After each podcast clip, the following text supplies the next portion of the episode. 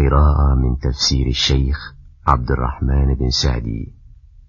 تيسير الكريم الرحمن في تفسير كلام المنان.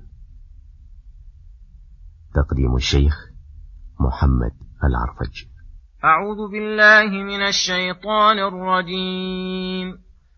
وما خلقنا السماء والأرض وما بينهما باطلا ذلك ظن الذين كفروا فويل للذين كفروا من النار أم نجعل الذين آمنوا وعملوا الصالحات كالمفسدين في الأرض أم نجعل المتقين كالفجار كتاب أنزلناه إليك مبارك ليدبروا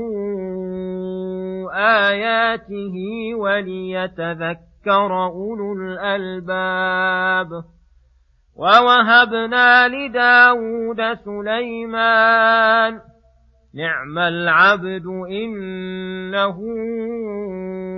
أواب.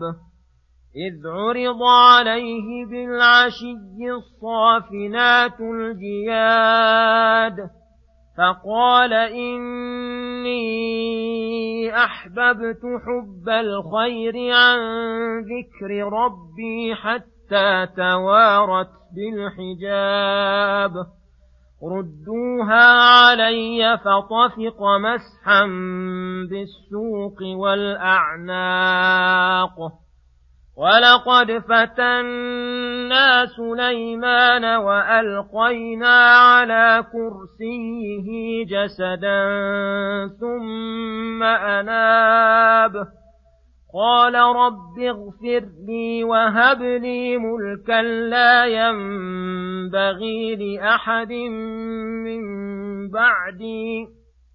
إنك أنت الوهاب. فسخرنا له الريح تجري بأمره رخاء حيث أصاب. والشياطين كل بناء وغواص وآخرين مقرنين في الأصفاد هذا عطاؤنا فامنن أو أمسك بغير حساب وإن له عندنا لزلفى وحسن مآب.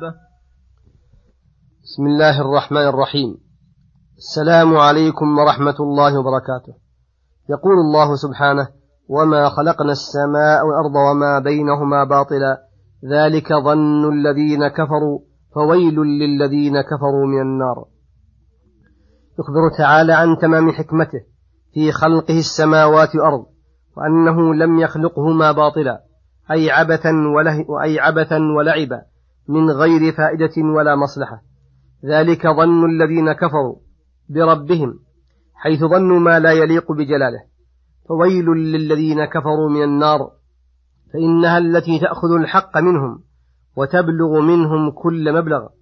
وإنما خلق الله السماوات والأرض بالحق وللحق فخلقهما ليعلم العباد كمال علمه وقدرته وسعة سلطانه وأنه تعالى وحده المعبود دون من لم يخلق مثقال ذرة من السماوات والأرض.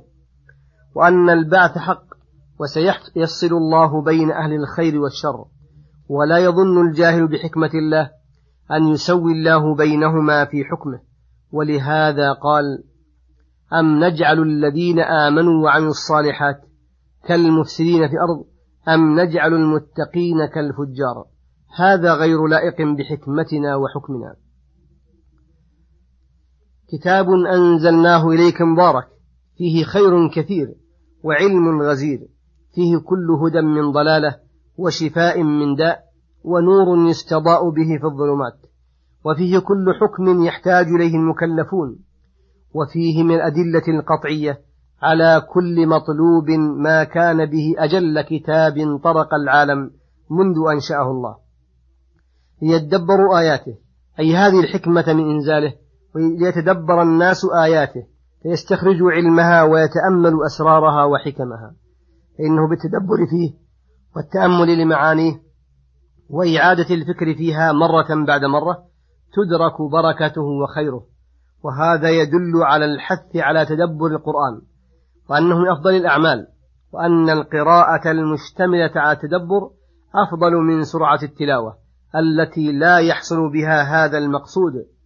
وليتذكر أولو الألباب أي أولو العقول الصحيحة يتذكرون بتدبرهم لها كل علم ومطلوب. فدل هذا على أنه بحسب لب الإنسان وعقله يحصل له التذكر والانتفاع بهذا الكتاب. ثم يقول سبحانه ووهبنا لداود سليمان نعم العبد إنه أواب. لما أثنى الله تعالى على داود وذكر ما جرى له ومنه أثنى على ابنه سليمان عليهما السلام فقال ووهبنا لداود سليمان أي أنعمنا به عليه وقررنا به عينه. نعم العبد سليمان عليه السلام فإنه اتصف بما يوجب المدح وهو أنه أواب أي رجاع إلى الله في جميع أحواله. بالتأله والإنابة والمحبة والذكر والدعاء والتضرع والاجتهاد في مرضاة الله وتقديمها على كل شيء.